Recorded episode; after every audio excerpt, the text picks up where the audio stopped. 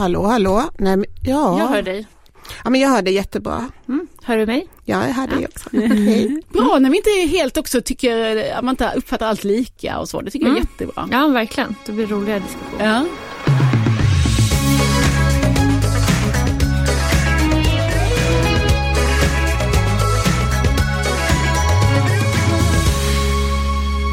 Hej, välkommen till Pocketpodden. Jag heter Lisa Tallroth. Idag ska vi prata om en roman som kallats En omvänd Lolita för metoo-generationen. Den heter Min mörka Vanessa och är Kate Elizabeth Russells debut.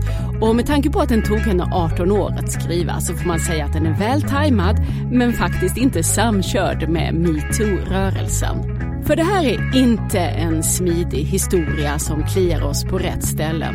Istället så halkar begreppen skuld, offer och förövare runt som tvålar i händerna och lämnar läsaren, ja, var då? Det ska mina medläsare och gäster idag hjälpa mig att besvara och nu börjar vi. Välkomna Marie Bengts och Helene Holmström. Tack så jättemycket. Tackar.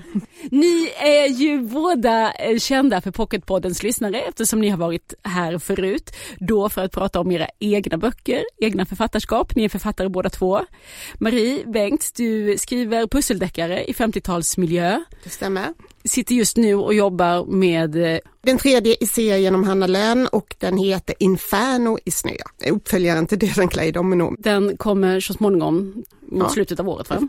Och Helene Holmström, du rör dig i en annan slags miljö i dina böcker. Det är den stenhårda advokatvärlden. Svärd och partners, där har flera romaner utspelat sig. Den tredje kom nu bara här i januari. Satsa allt Just det. heter den.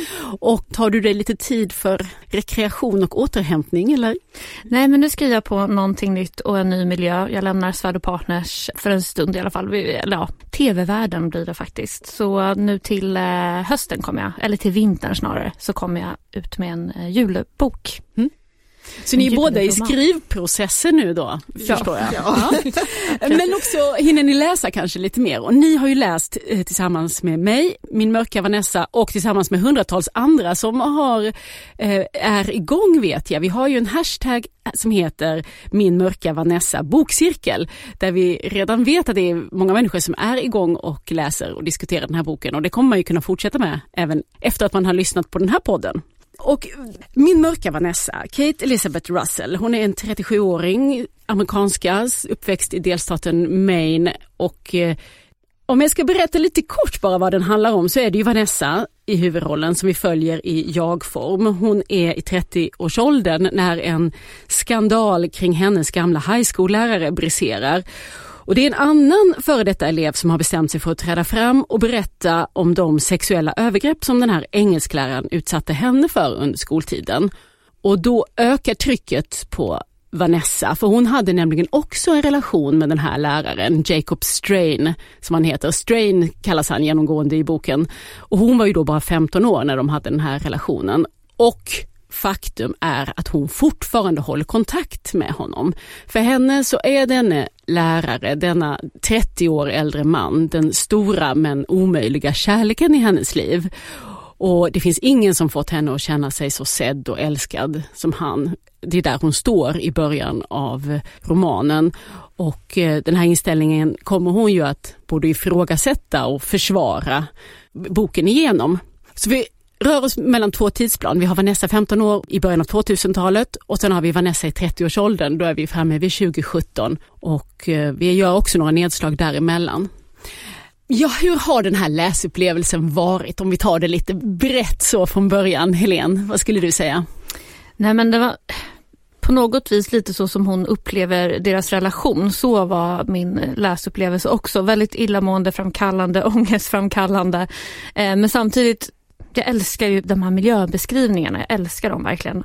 Och just det här med hösten i Maine och så vidare. Och jag har faktiskt varit i, eh, tyckte det var jätteroligt, jag slog upp sidan, jag har faktiskt varit i Portland i Maine. Så det tyckte jag var väldigt kul. Att det där utspelar sig delvis då, då när hon är i vuxen ålder. Men man mår ju, jag mådde rätt dåligt av att läsa den här boken. Det, det blev lite, lite lättare så stundtals men eh, det är väldigt starkt berättat och eh, det är många hänvisningar till Lolita och jag försökte läsa den en gång men jag klarade faktiskt inte av att läsa den. Eh, men jag klarade av att läsa den här och jag tror att det är för att det är lite mer ljuspunkter i den här. Mm. Vladimir Nabokovs eh, Precis. klassiker får man väl kalla den, Lolita mm. från 55. Jag mådde alldeles för dåligt när jag läste den. Den dyker ju upp väldigt mycket i den här romanen också.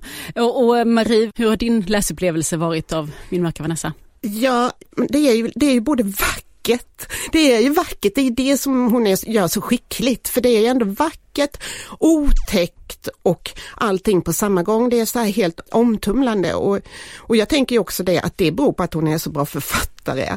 För den här historien är ju liksom Alltså så bra framförd och, och fint skriven och liksom berättartekniken och allting. Liksom. Så, där, så att men det här, det här att ni båda har mått dåligt, det vill jag ju förstås stanna upp vid. Kanske är det en variant på det som jag, det var det enda jag visste egentligen om den här boken som jag hade hört från flera håll. Det var att den skulle vara provocerande var det många som sa.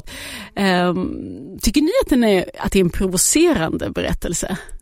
Jag tycker inte att huvudkaraktären på så vis är provocerande, om det är det folk upplever. Det tycker jag faktiskt inte. Men självklart, det är saker runt omkring som är provocerande. Men själva historien i sig, tycker jag nog, eller boken i sig, tycker jag inte är det. Sen är ju storyn det, men det måste den ju vara för att eh, vara en berättelse, tänker jag. Alltså hur skolan hanterar det som händer och hur Strain är. Men jag upplever inte hennes eh, reflektioner kring relationen så mycket som provocerande. Om det är det folk upplever som provocerande. Jag är lite osäker faktiskt. Och så om du skulle försöka sätta fingret på vad det är som har fått dig att må dåligt? Ja men det är ju hur, eh, hur hon manipuleras in i den här relationen som jag tycker och, och, hur skulden hela tiden läggs på henne av honom och hur dåligt hon faktiskt mår fast hon inte inser det. Ja, egentligen, alltså jag menar en, en relation mellan en 15-årig flicka och en 42-årig man kan ju inte vara annat än illamående framkallande, så skulle jag säga faktiskt. Um, och, och, hur hon upplever deras stunder tillsammans, det är ju inte bara ljuvt. Verkligen inte. Och det är det som jag, man mår extremt dåligt av att mm. läsa. Tänker du det också Maria, att just bara själva förutsättningen att det är en relation mellan en 42-årig man och en 15-årig flicka? Ja, Hur alltså, du dig till det? Är, jo men man är ju, instinkten är ju bara det här är ju inte rätt liksom. Men sen, sen då som, som sagt det förekommer ju i litteraturen och, och, då sett på ett annat sätt som då till exempel Melolita, Det var väl inte meningen att den skulle upp uppfattas, den skulle väl också vara att han gjorde fel men det var liksom en opålitlig berättelse. Så, men den har ju fått en sån här enorm betydelse och det är liksom det här Lolita-idealet och... Ja, det blev ju ett begrepp därefter, de här nymferna, de här unga flickorna som, som ska ha någon speciell dragningskraft, tjusningskraft ja. på män och sexuell dragningskraft. Och man tänker så här att hon skulle varit 20 eller så, så hade det ju varit en helt annan historia. Liksom. Men det... Varför då tänker du? Ja, men hon är ju inte vuxen. Alltså hon är ju ett barn och det, det är så uppenbart att hon är ett barn, alltså i, i hennes tankar och så, eller som, som, hon, hon, som hon beskrivs. Men jag menar, Eh, om hon skulle vara 20 så skulle hon ju i alla fall vara vuxen. Då skulle hon ju ha med sig andra erfarenheter som kanske inte gjorde, för jag tror ju att det är vissa saker som gör att hon, att hon leds in i det här då. Mm. Ja. Men hon gör det ju inte lätt för sig, författaren här, Kate Elizabeth Russell, att välja just en 15-åring, för det är ju ett gränsland, Absolut. eller hur? Det är ju inte, en 15-åring kan ju i vissa avseenden vara väldigt vuxen och avancerad och liksom sexuellt intresserad och orienterad som Vanessa också är. Men inte fullt ut kanske så erfaren och eh, vet vad man ska fatta för beslut. Jag bara tänker att det, är, det går, jag tycker inte att det är så lätt bara att avfärda en 15-åring som ett barn rakt upp och ner. Nej. Men lite som Marie säger att hon är ju verkligen ett barn i tanken och sen tänker jag precis hur han är hennes lärare och hon är ensam på ett internat det är så mycket som skiljer dem åt i, alltså fysiskt sett, han är väldigt stor och hon är ju liten. Och jag tänker också mm, i klass, han har, han har gått på Harvard och hon kommer dit på stipendium och är ganska utelämnad på många sätt och är väldigt, en, ja, väldigt ensam. Så det är så mycket där liksom socioekonomiskt och mm, ålder, det är så mycket på många sätt där han är överlägsen henne som gör det väldigt obehagligt, alltså gör det ännu mer obehagligt, så ska jag säga. Precis, hon är också övergiven i det att hennes bästa vän har övergivit henne eller deras relation har liksom brutits. Och eh, vad tänker ni den där relationen? Jag vet att du Marie hade fastnat lite för Jenny som ja. ju dyker upp sen och är en av dem som ska försöka tala Vanessa till rätta. Ja, men jag tänker ju att det, det är ju därför hon låter sig då ledas in i det här eh, och han säger ju till och med till henne, han liksom bekräftar ju det och säger du har upplevt ett svek. Och då blir ju hon så här, Vanessa då att ja det har jag ju, liksom Jenny har svikit mig. Så, här, så Det känns också lite som att hon gör saker och ting just för att hon, ja, nu ska jag visa Jenny, liksom. jag, kolla jag har en spännande kärleksaffär med en lärare. Så jag tror att det har jättestor betydelse. Jag tror att om hon hade, om hon hade massa vänner eller, eller bra, en bra relation med dem så tror jag inte det här hade hänt. Men sen att det är det som är så kul med den här boken tycker jag, det är verkligen att hon, hon lämnar ju över allting till oss läsare. Det är ju det här, man, man kan ju fundera i evigheter, men det känns verkligen som att hon har verkligen lagt det här hos oss, vi som, nu tillhör den oss, vi som läser boken. Så känner jag liksom också att man att man kan liksom analysera. Och... Ja, för att man, den är ju begränsat skriven på så sätt att vi är i Vanessas huvud. Mm. Det är jag-form, det är ju hennes 15-åriga jag, så småningom hennes 30-åriga eh, jag och sen så får vi se henne utifrån genom repliker av människor i omgivningen. Mm. Man hamnar på en intressant plats som läsare när man växlar mellan att vara i Vanessas huvud men att också då få glimta av henne utifrån. Nej men det är spegelbilder tänker jag. Hon speglar ju sig hela tiden. Det är ju det man får. Jag tänker som det här med han, att han då liksom fascineras, eh, Strain då, fascineras av hennes röda hår, säger till henne att hennes hår är fantastiskt jämfört med ett lönnlöv.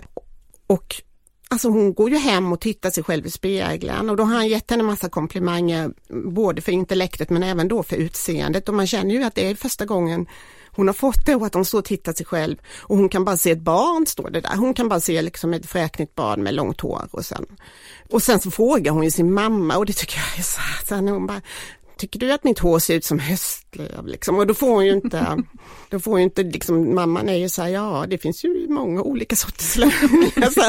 alltså det, det, är ju så man känner så att hon känner sig fram hon är ju ganska konturlig, alltså, speglar sig i andras blickar och andra sätt mot mm. henne. Men det här att bli tagen på allvar, det tycker jag är väl fångat. Det är också någonting jag kan liksom verkligen själv minnas från tonåren. Mm. att, att man har sånt sug efter oh. att bli behandlad som en vuxen, att bli tagen på allvar, att, ja, att någon ser en, dessutom då en mogen person som kan formulera sig som Strain gör. Det är ju såklart att han hanterar hela den här förförelseakten mycket bättre än hennes jämnåriga 15-åriga killar. För, så vi följer ju henne som 15-åring och hur hon upplever deras möte och den här passionen som det är man hade kanske förväntat sig sen att hon som vuxen skulle titta tillbaka och minnas det här som någonting helt annat än vad hon gör. För hon fortsätter ju att tala om detta som en stor kärlek, som en stor passion. Hon fortsätter ju att försvara Strain. Hon vill absolut inte haka på det här tåget om att hänga ut honom nu och berätta vad som har hänt så som, som det är några andra studenter som gör. Vad tänker, vad tänker du om det Helen? Varför fortsätter hon att försvara Strain även när hon är vuxen? Jo men det, jag har funderat mycket på det faktiskt. Ja. Jag slår upp min lilla lista här. nej, men, nej men jag tänker till en början när hon är sådär ung så självklart så finns det en förälskelse någonstans, absolut. Eh, så är det ju en, en tonårsförälskelse. Men jag tror också, även när hon är så pass ung så ifrågasätter hon honom ibland och tänker att han, han skapar ju vissa sanningar i det här förhållandet. Att det var hon som tog initiativet först och att det var hon som och sådär. Och du, du ville ju det här och jag hade inte gjort någonting om du inte ville det här. Och hon ifrågasätter det för sig själv men säger aldrig någonting till honom därför att hon är orolig hur han ska reagera. Hon tycker lite synd om honom. Hon tycker att det vore grymt att påtala hans lögner. Och där tror jag, tänker jag att det är så hon har blivit fostrad att göra för det är ett vad ska man säga, ett strukturellt problem. Lite den här vita medelålders mannen. Man ifrågasätter inte det och det är lite synd om dem om de får veta att de har fel. Ungefär så, att det är något som finns i henne att vilja skydda på något ta sätt. ansvar. Ja, ta ansvar för hans känslor. Exakt, ansvar för hans känslor tänker jag. Eh, men sen tänker jag också att det, det är en manipulation från hans sida som gör att hon också mm, på något vis tror att det är hon som, ja men att det ligger på henne och att det är hon som eh, i hennes natur att det blir så här ungefär. alltså, ja.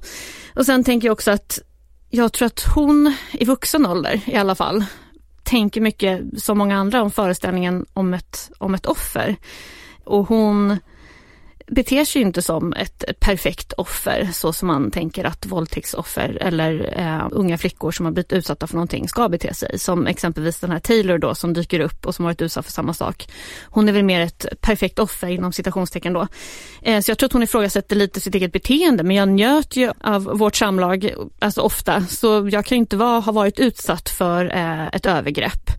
Eh, och sen så tänker jag i slutändan, för hon som du sa, hon kastas ju fram och tillbaka. Hon börjar ju förlikas lite med vad det var som hände, eller förlikas med vad det var som hände men kanske ändra lite sin syn på det. Även om hon är en väldigt opolitlig berättare så i vuxen ålder så börjar man förstå att hon ändå inser vad det var som hände henne. Och då tror jag att hon, det blir väldigt svårt för henne att inse vad det var. För om det var ett övergrepp och hon ser det här som sitt livs kärlek. Vad, vad var det då egentligen? Att det är väldigt tufft för henne att inse. Och det är någonting hon säger, säger i terapin vid något tillfälle. Mm. Om det här inte var en kärleksrelation, vad var det då? Det har jag också markerat som ja, jag med. nyckelmening. Ja, men det var, och det, jag tänker hon har ju också pratat om det här med sina vänner får man uppleva som att det är lite en kul grej mm. kanske, ungefär ibland. I vissa situationer har hon pratat om det på det sättet. Och då blir det väldigt svårt för henne att förstå vem hon själv är om det här inte var en kärleksrelation och det inte var, eller vad ska man säga, om det inte var jämställd relation på det sättet hon nog har inbillat sig att det var. Hon är ju omgiven av människor genom alla åren här från 15 och upp till hon är vuxen av människor som talar om för henne att hon är ett offer. Mm någon pojkvän som ska ha henne till terapi, vänner hon eventuellt talar med, det är inte så många hon berättar för säger hon att hon är ett offer. Hela metoo-rörelsen mm. säger att hon är ett offer. Men eh, har hon så mycket att tjäna på att kalla sig själv ett offer? Hon ser ju sig inte som ett offer till, i alla fall inte till att börja med, för jag tänker mer att, att hon ser det som att hon är en övergiven kvinna. Hon tänker ju själv att det beror på att hon är för gammal och att han har tappat intresset. Så att liksom det är också som hon idoliserar själv bilden av de här Lolita, den här viss åldern. Det känns ju som att hon är lite som avundsjuk på tjejer i den, yngre tjejer helt enkelt, att de har, fort, de har fort, hon har tappat kraften liksom. Mm, så, jag tänk, ja, så jag tänker för, i, i första hand att det är den sorgen hon har. Och sen har ju han också satt i huvudet på henne att hon har haft makten. Mm, mm. Att det är liksom, hon har ju haft makt. Och hon, Över honom? Ja, och hon har ju inte, hon har ju inte sagt nej. Hon har ju gått med på det. Hon har ju till och med liksom, han har ju manipulerat henne så att, så att hon har varit den som har lite jagat honom då liksom sådär. Så jag, så jag tänker att hon kan, att det är nog svårt för henne att känna att, att hennes historia skulle liksom kunna vara en offerhistoria. Det är lite så jag tänker att hon... Tänker du på henne som ett offer? Ja, gud ja. det är ju det man gör. Alltså, jag tycker att den är, just det här berättandet är så fantastiskt just att, att det är så här parallellt då, 32-åriga eh, Vanessa, 15-åriga eh, Vanessa och att det hela tiden går parallellt och just på något sätt att de ändå då möts ju närmare man slutet kommer så möts historierna på något sätt. Men det är ju så, man har ju lust att skrika mm. så här som i film, liksom när man läser så här, hon bara nej gör det inte och åk inte hem till honom liksom. Och så här. Så visst är hon Men hon är ju kär i honom. Hon vill ju vara med honom, hon längtar efter honom, hon drömmer om honom.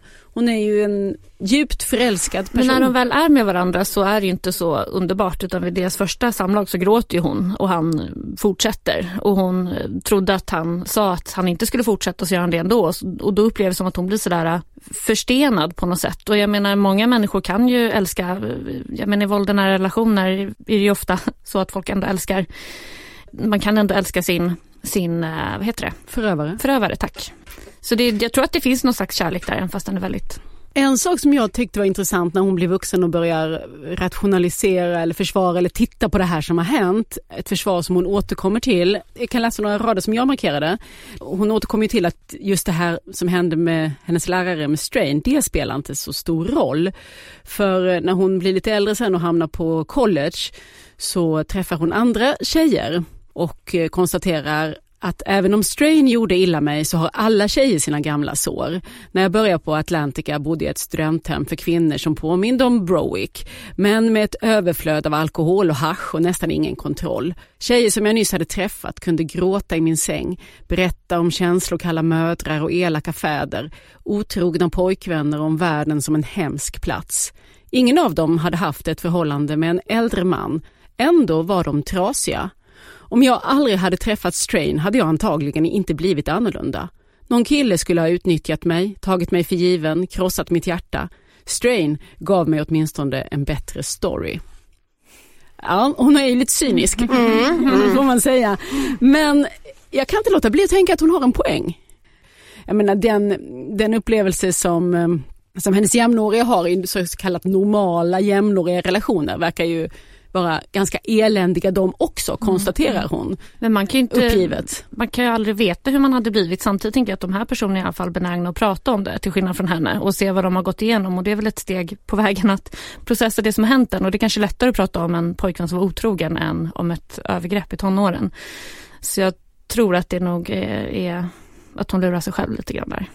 Känner ni igen den här desillusionerade världen som hon beskriver? Det återkommer genom hela romanen, finns det ju massor av referenser till mäns sätt att sexualisera kvinnor eller ta kvinnor för givna, att man som kvinna är i ett underläge. Det, det återkommer hon till genom att referera till litteratur, hon refererar till låttexter, hon refererar till andra händelser runt omkring. Så det är ju liksom ett mönster som hon lever lite uppgivet i. Kan ni känna igen den här stämningen som hon förmedlar?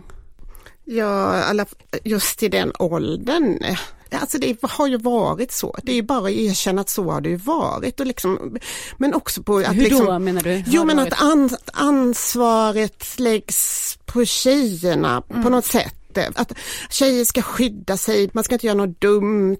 Håll förväntningarna låga bara. Ja, men också så att man nästan också är ett potentiellt offer bara i den egenskapen att man Eh, Eh, liksom är tjej och då, bli, och då blir det också lite så här att ja då blir man den här i så fall eh, vilda tjejen. Alltså mm. det är, de kategoriseras ju mer tjejer i en viss ålder liksom. Så här, ja men då blir man den här vilda tjejen och då bryter man liksom mot allt det och då får man liksom lite skylla sig själv. Och, jag vet att du Helene också tyckte det var intressant med just det här med, det är inte så att man bara ska vara offer om man nu inte ens kanske vill kalla sig det, men man ska också då ha det här ansvaret då och berätta Alltså berätta allting vad man har gått igenom och, och då, kan man ju få ta, då kan man ju få ta många saker igen och egentligen är det alltid bästa sättet att bearbeta, tänker jag. Så att, ja. Nej det är ju det Vanessa är inne på mm. själv, att mm. jag har noll och inget att tjäna på att berätta om detta. Eh, Medan hon då betraktas som en svikare av de som försöker sätta dit skolan och sätta dit eh, Strain. Vad tänker du om det där trycket som omgivningen utövar på Vanessa? Ja, men hon känner sig ju väldigt pressad av det och det är väldigt obehagligt för henne och obehagligt att läsa också. Just att berätta, som ni säger, hon tycker inte att hon tjänar så mycket på det och jag kan förstå det för att det, dels är det traumatiskt att berätta om och dels så kanske man också får en stämpel då som ett offer och den vill ju hon absolut inte ha. Och under metoo så var det ju att alla skulle berätta och lägga ut hashtags och så vidare. Jag kunde själv känna att det kändes sådär lite, för, alltså, lite att blotta sig kanske. Och det är det det fanns en viss förväntan på att man skulle göra det. Eller jag kände ingen press på mig så, men, men jag menar mer att generellt så känns det som att det Om man hade varit med om någonting ja, så skulle precis. man, nu var det läge att mm. tala om det. Ja, nej men i princip alla i mitt flöde la ju upp metoo, alltså sådär den här hashtaggen och det var ju jätte, det tycker jag är jättebra att alla gör. Men jag menar mer att sånt här, såna här människor, alltså för hennes del så kanske det bara blir mer traumatiserande att berätta om det. Vad jag tänkte på är också att man som läsare nu lockas lite in att göra det här, precis det här som hon själv är rädd för, nämligen att människor ska, man ska redovisa vad som har hänt och sen ska någon bedöma mm, det här. Om det är, liksom, är det ett övergrepp eller mm. inte? Är det grovt eller inte? Ja, har du rätt att kalla det offer eller inte?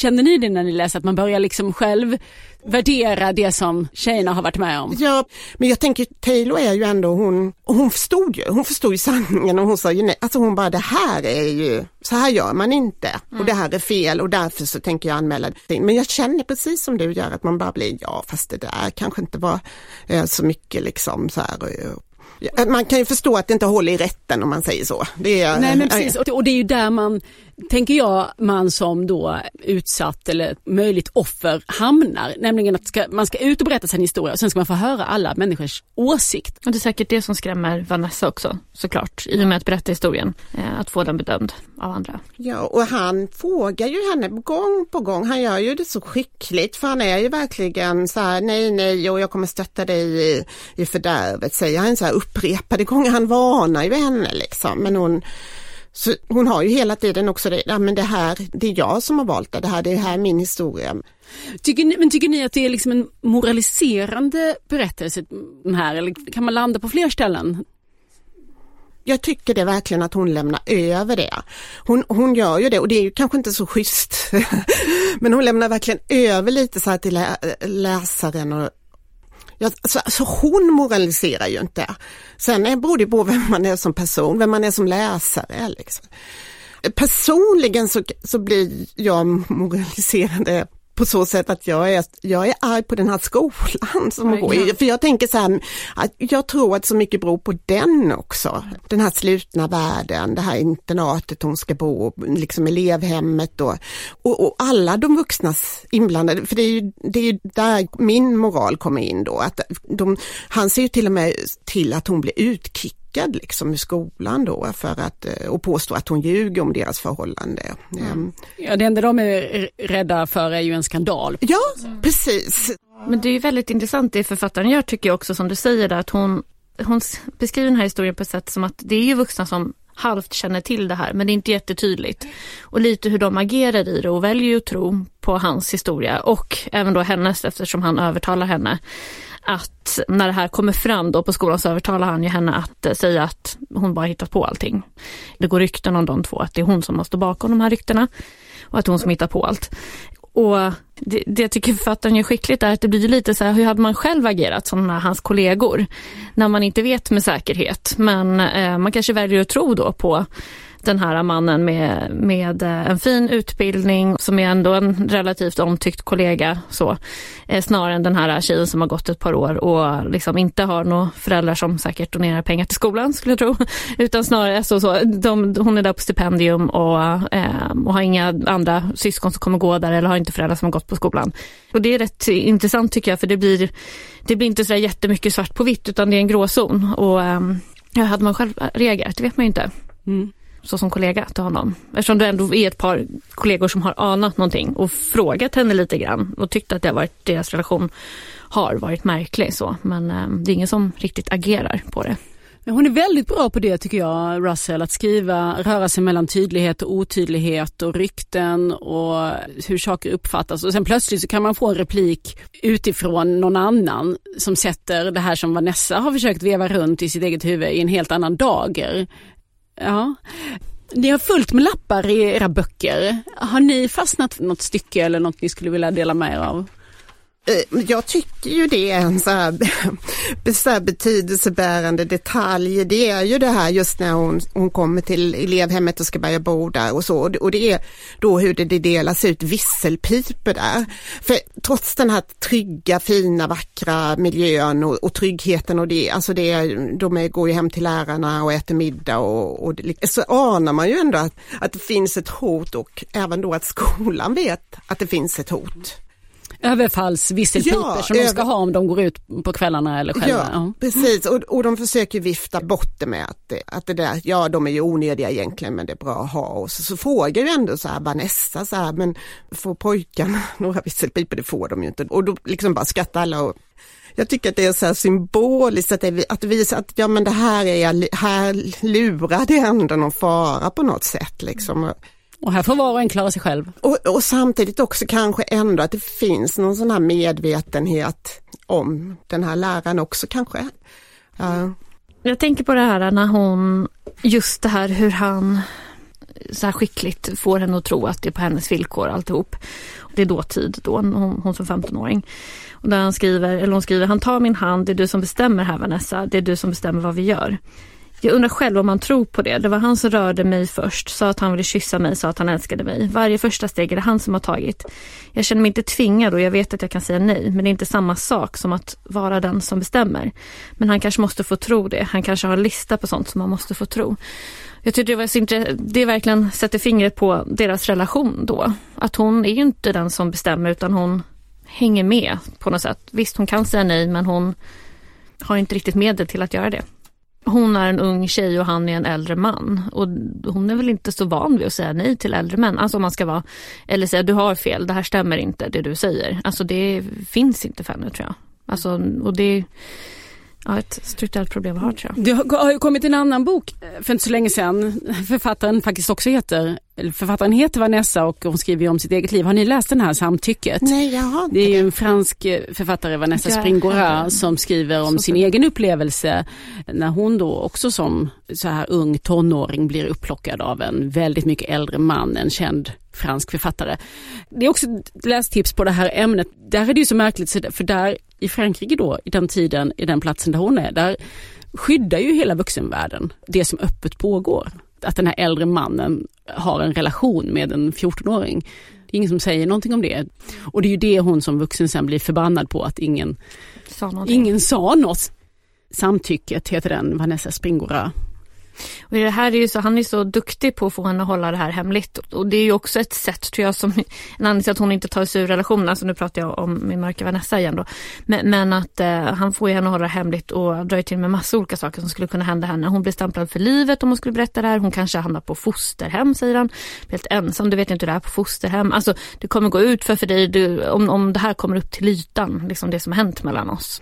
Eh, och det tror jag också är en anledning till att hon aldrig, dels inte tar sig ur det det är ju destruktivt, det inser hon ju även som, som barn att det här är destruktivt. Hon känner ju det men, men eh, det får han att fortsätta tror jag också, hans hot om vad som kan hända. Där förstår man ju hur ung hon ändå är. Och eh, jag tycker han har sånt oerhört kunskapsövertag som gör henne så extremt utsatt också jag tänker också då på den här, hon är väldigt begåvad skribent och det är, ju, det är ju där han är bra, för han ser ju det hos henne. Han uppmuntrar ju henne med det också men...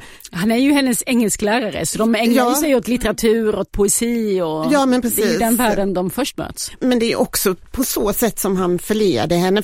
För jag har ett stycke som jag tycker då jag ligger i sängen och läser Lolita på kvällarna, knaprar frånvarande genom ett paket salta kex och pallar upp en kudde framför omslaget för den händelse någon av mina föräldrar skulle öppna dörren. Jag vänder bladen mellan fönsterrutorna skallrar i vinden och jag känner en långsamt pyrande eld inom mig som en glödande kol.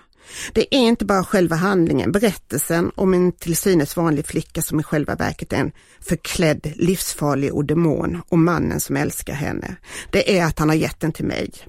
Allt vi gör nu sker i en helt ny kontext, en ny insikt i vad han kanske vill ha av mig tidigt varningstecken när äldre man ger ja, gå. Nabokovs Lolita till en yngre flicka.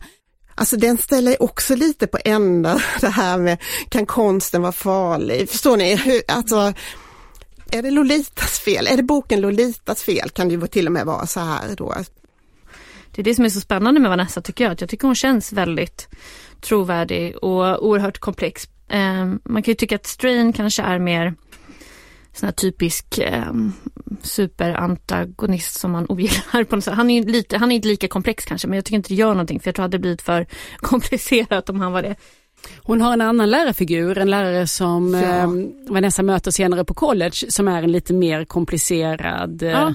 förövare, ska jag mm. inte kalla honom för att det är han inte men han ligger, man anar ju lite hela tiden oråd att det ska kunna glida över i någonting. Mm. Där är det verkligen en gråzon. Hon är ju så inne på att han vill någonting annat. Men jag tänker det kan faktiskt vara så att han bara ser henne som en otroligt begåvad elev. Liksom, Men... Det är just det att hon är en opolitlig berättare så det är svårt ja, att veta hans... Ja, ja, ja men precis. Med. Det är svårt att veta vad han vill. För det är ju det att man inte kan, li man kan liksom inte lita på henne där då, Nej. på berättaren. Så att, um... Nej, hon går ju också överlägga lite med sig själv om hon ska förföra honom eller inte. Mm. Ja, men också... Det är ju en tankelek hon har, mm. att hon skulle kunna. Men jag tänkte på det, i samband med det så beter hon sig lite så som offer, sexu sexuella offer kan, kan göra ibland. Eh, om man ska generalisera, men att man vill återuppleva något slags övergrepp igen på något sätt. Så på, på sätt och vis tycker jag ändå att författaren visar att, och det är en jättetrasig person, alltså Vanessa när hon är 32 är hon va, sen i vuxen ålder. Eh, extremt trasig människa, dricker mycket, har liksom, det är fördärv hemma hos henne, det är liksom, hon lever i någon slags misär nästan i princip. Och drar hem män och jag ser det som att hon vill, alltså att hon liksom återupprepar övergreppen från barndomen på något sätt när hon också söker sig ibland till äldre män och så vidare. Um, och, um, så jag tycker ändå att författaren visar på något sätt att oh, det här är en människa som inte mår bra. Liksom. Det här var in, verkligen inte en sund relation. Även fast hon lägger mycket på oss att, att uh, avgöra vad som var övergrepp och inte. Men, uh, och det, så upplever jag lite med den här college-läraren också, att hon på något vis liksom återupplever det här igen, kanske som ett sätt att ja, mm. bearbeta på något konstigt sätt. Jag tänker också på att nog har man svärmat för en lärare också. Alltså det är ju det, alltså det hör ju också till i en viss ålder och så. Och, och, och jag menar, om han nu inte skulle vara så här pedofil som han ändå uppenbarligen är då, eh, Strain, så tänker jag ju ändå att han är ju säkert en väldigt karismatisk, mm. begåvad eh, liksom lärare som kan ta fram det bästa i sina elever. Eh, så så på så sätt så tycker jag väl liksom, han beskrivs ju ändå inte som ett odjur. Jag kan ändå liksom, jag kan förstå att hon liksom fascineras av honom. Man kan, det är liksom inte bara Ja, men jag tycker att han är rätt komplex han också. Och sen, man förstår ju, han försvarar ju mm. sig själv hela tiden genom att, ja, men hon vill det, jag har frågat henne tio gånger, liksom, hon vill det, jag har varnat henne, hon kommer ändå. Så att, ja. Han rättfärdigar sitt beteende ja. konstant, verkligen. Nu har ni berömt eh, Kate Elizabeth Russell här genomgående, hur fantastisk författare hon är. Jag tänker att ni också eh, är skrivande människor. Blir ni inspirerade eller tittar ni någonting liksom med de glasögonen när ni läser? Gud, inspirerad. Jag bara känner mig så här, det är lika bra om man slutar skriva. Nej, men, men ärligt talat, det är, alltså, jag kan inte säga vad det är hon gör riktigt, utan hon bara, hon har ju sånt otroligt språk. Eh, och bara liksom en kort så här, ändå så att man får en bild framför sig. För man hittar ju inga långa så här miljöbeskrivningar men man är ändå så att det räcker liksom en kritdammet eller att han luktar krita. Eller... Det är väldigt målande beskrivet. Ja, Alltså när jag läste den här så känner jag liksom eh, kvinnan på tåget också. Mm. Det är ju en helt annan historia och det är ju en deckare av eh, Paula Hawkins. För där är det också den här opolitliga berättaren som är ganska trasig och som man absolut inte kan lita på. Nej, alltså som hon beskriver verkligheten som hon tror den är eller så ljuger hon, man vet liksom inte. så här. Ja på det sättet påminner de om varandra men man blir utmanad som läsare tycker jag. Mm, verkligen. Men det är tur att hon skriver en helt annan genre. För då, då jämför jag mig inte alls på samma sätt. Men självklart temat i boken som, eh, som är uppenbart metoo och så vidare men också just det här, det här med att ansvaret läggs på kvinnan på det sättet har fått mig att tänka en, en hel del. Också mycket på det jag skriver nu och infallsvinkel så för jag försöker alltid ha någon typ av ja, men någon, någon slags infallsvinkel så i skrivandet. Och, eh, och jag tycker det är väldigt intressant med det som har diskuterats väldigt mycket på sistone i samband med den här Britney Spears eh, dokumentären. Där man eh, pratar mycket om hur mycket ansvar som har lagts på henne, till exempel då henne och Justin Timberlakes relation men också har det då dykt upp det här med Eh, Janet Jackson med den här Super Bowl-incidenten där han drev av hennes tröja och bröstet blottades. Och det var ju bara hon som fick ta skit för den här incidenten. Det var ju bara hon som hängdes ut och förlöjligades och så vidare. Och, eh, så det var det är mycket sådana tankar som snurrar i mitt huvud och så läste jag den här där det också liksom blev att allt ansvar lades på henne även av skolan och av honom och av henne själv. Eh, så det är mycket sådana tankar som snurrar hos mig nu som ändå har gett någon slags infallsvinkel till det jag skriver nu. Men mer bara hur man gestaltar kvinnor och vilket ansvar som läggs på dem. Men just eh, Britney Spears dyker ju upp i den här mm, romanen och jag har hört mm. Kate Elizabeth Russell prata om det också. Hon är ju väldigt intresserad av det här tidiga 2000-talet och mm. det är ju mm. det som är tonårstiden. Jag kan tänka mig att de är väl jämngamla då, författaren och hennes, hennes huvudperson. Eh, nej men just om den mm. helt upp uppenbara sexualiseringen mm. av en skolflicka som mm. var liksom Britney mm. Spears genomslag. Mm. Ups, det, det tycker Precis, i skolflickuniform. Och liksom. flätorna och hur det här och hur det är liksom, det är ju bara en av väldigt många referenser som från populärkultur och kultur mm. överhuvudtaget om hur det här är en helt etablerad tankefigur. Att mixa liksom småflickor och sexualitet. För Britney, det var ju, för det var ju verkligen en Lolita just när hon eh, slog igenom där. Det låter som att vi rekommenderar den här boken. Oh, Gud, ja. vi skulle kunna hålla på hur länge som helst. Det kan fortsätta nu den här diskussionen i sociala medier. Vi har ju samlat oss under en hashtag, min mörka Vanessa bokcirkel. Och där tycker jag man kan säga emot och hålla med allt vad vi har sagt och komma med egna inlägg. Det finns mer att prata om i den här eh, romanen. Hashtag min mörka Vanessa bokcirkel, där fortsätter diskussionen. Tusen, tusen tack Marie Bengts och Helene Holmström för att eh, ni kom hit till Pocketpodden och grottade i den här fantastiska romanen Min mörka Vanessa av Kate Elizabeth Russell.